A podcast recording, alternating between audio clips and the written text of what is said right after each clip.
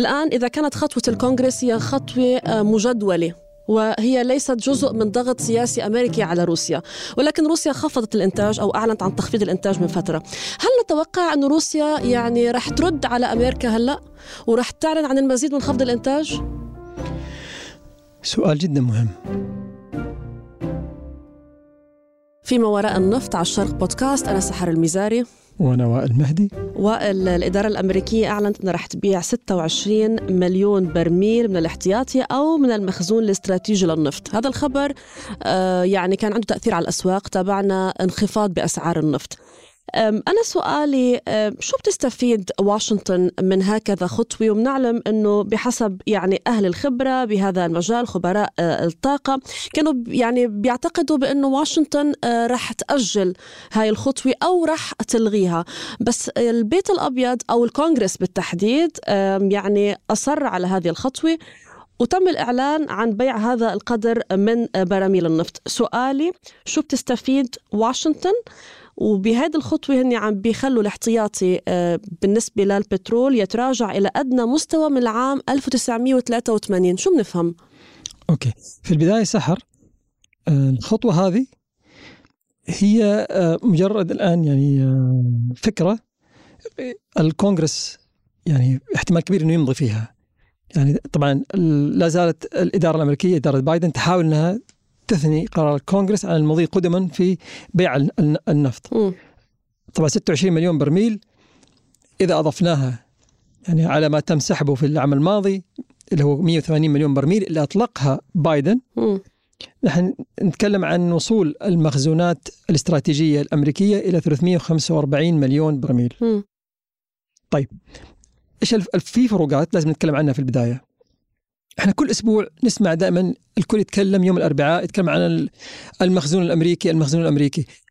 اللي يتم عن إعلان عنه كل أربعاء هو المخزون التجاري اللي يكون عند الشركات عند المصافي عند يعني القطاع الخاص. هذا يصدر كل أربعاء البيانات المتعلقة فيه وين وصل ارتفع هبط نزل ويأثر على أسعار النفط. المخزون الاستراتيجي هذا المخزون مملوك للدولة والولايات المتحدة. بدأت هذا البرنامج في السبعينات. بعد آه، الحظر النفطي العربي.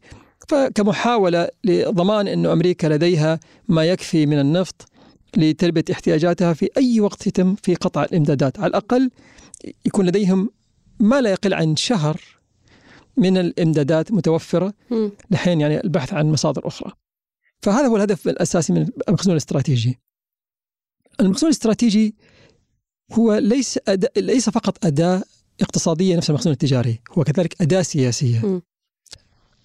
الرئيس الكونغرس كلهم يتحكمون في هذا المخزون ويستخدمونه بطرق مختلفة مرات لتلبية أهداف سياسية. بالضبط على الأهداف السياسية. خليني أسألك وائل. البعض ربط بين هذا الإعلان الأمريكي والإعلان الروسي بالتحديد عن خفض الإنتاج. يعني البعض بأسواق الطاقة كان بيتحدث أنه هذا ربما كان الوقت المناسب بالنسبة للولايات المتحدة الأمريكية لإعادة تعبئة احتياطي البترول مش العكس. هل آه، بما أنك أنت عم بتقول الاحتياطي الاستراتيجي هو ورقة آه، يعني آه، ورقة سياسية تلعب في بعض الأحيان هل هاي الخطوة الأمريكية هي رد على روسيا بهالمرحلة؟ لا ليه؟ لأن القرار لم يأتي من إدارة بايدن جاء من الكونغرس مم. والكونغرس لديه خطة تم إقرارها في 2015 باستخدام جزء من المخزونات الاستراتيجية للحصول على تمويل للميزانية الأمريكية نحن طبعا نتكلم أنه آه، على من ناحية الخطط من ما بين عام 2024 إلى عام 2027 2027 من المفترض إن الكونغرس يبيع 140 مليون برميل من النفط في السوق. م. هذا البيع هو عبارة عن إقراض للسوق في حقيقة الأمر. الحكومة الأمريكية تضخ هذه الكميات تحتاج إنها تسترجعها مرة أخرى. تبيعها للقطاع الخاص ثم ترجع تشتريها من القطاع الخاص. الإشكالية دائما هي في الأسعار. بايدن العام الماضي استهلك المخزون بصورة كبيرة جدا مثل ما تفضلتي بس كمان سهل. كان علشان الغزو الروسي الأوكراني. نعم كان يعني هو يعني غير مبرر. لهذا السبب هو شوف هو الهدف من المخزون الاستراتيجي هو ضمان إنه ما يكون في نقص في الإمدادات. لكن اللي بيحصل إن الرئيس بايدن استخدم لتهدئه الأسعار. في الوقت اللي ما كان في أي تهديد للامدادات فلهذا السبب آه يعني مجلس شو اسمه اللي هو النواب الأمريكي آه بدأوا الآن في أخذ تحركات وفتح تحقيقات ضد بايدن آه للنظر في الأهداف اللي على أساسها تم إطلاق 180 مليون برميل من المخزون الاستراتيجي في العام الماضي. طيب فهنا هنا الإشكالية آه سحر. طيب آه يعني خليني أرجع أسألك مرة ثانية عن روسيا. الآن إذا كانت خطوة الكونغرس هي خطوة آه مجدولة وهي ليست جزء من ضغط سياسي أمريكي على روسيا، ولكن روسيا خفضت الإنتاج أو أعلنت عن تخفيض الإنتاج من فترة. هل نتوقع انه روسيا يعني رح ترد على أمريكا هلأ ورح تعلن عن المزيد من خفض الإنتاج؟ سؤال جدا مهم. م.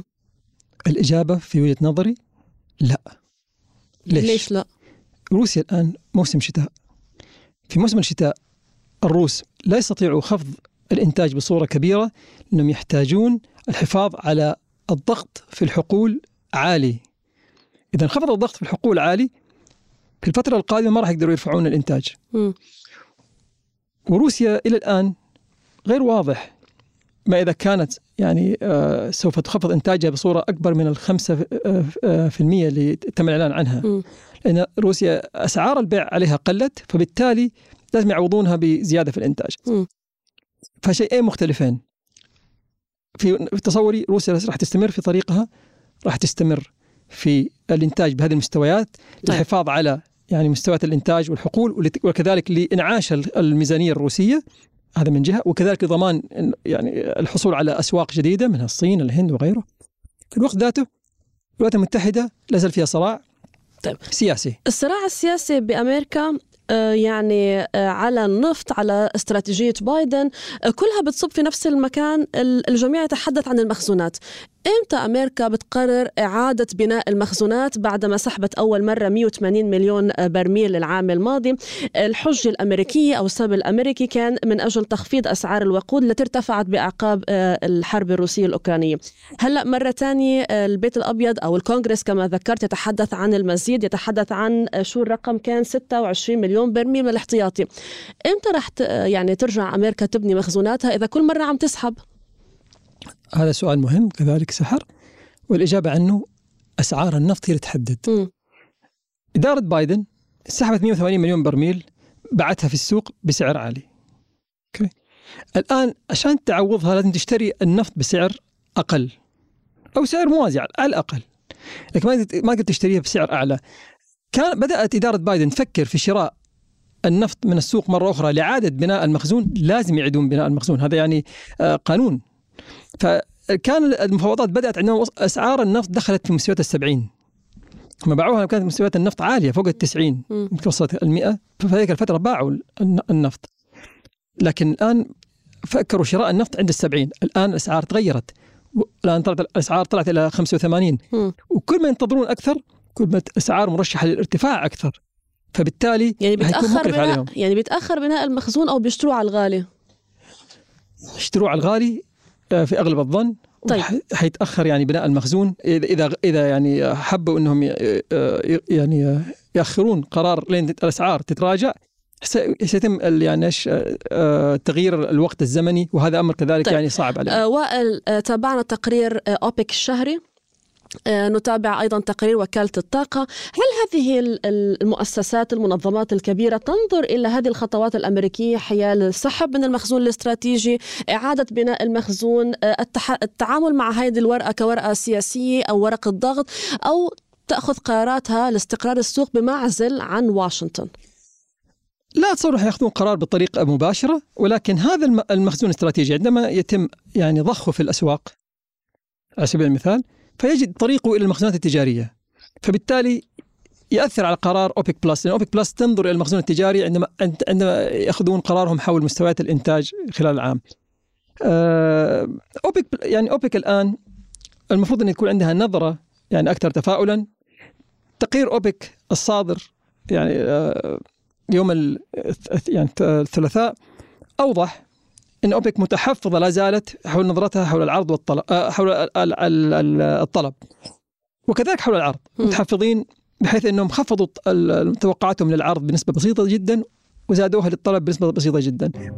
آه، لكن بصورة عامة ما أتصور انه أوبك بلس راح تاخذ قرار كبير لأنها تتكلم عن 26 مليون برميل. لا يعني مو الكمية المؤثرة في السوق لكن راح تكون من يعني هناك انزعاج من استخدام النفط كوسيلة كذلك للتاثير على الأسعار. إذا نظرنا إذا اعتبرنا إنه يعني قرارات واشنطن تحاول إنها تهدئ الأسعار. طبعا رح نتابع أسعار النفط، رح نتابع هذا السجال المستمر بين واشنطن من جهة وموسكو من جهة ثانية وقرارات المنظمات الهامة أوبك على رأسها ببودكاست جديد المرة المقبلة، كنت معكم أنا سحر الميزاري من ما وراء النفط وأنا وائل مهدي. تابعونا باستمرار على الشرق بودكاست.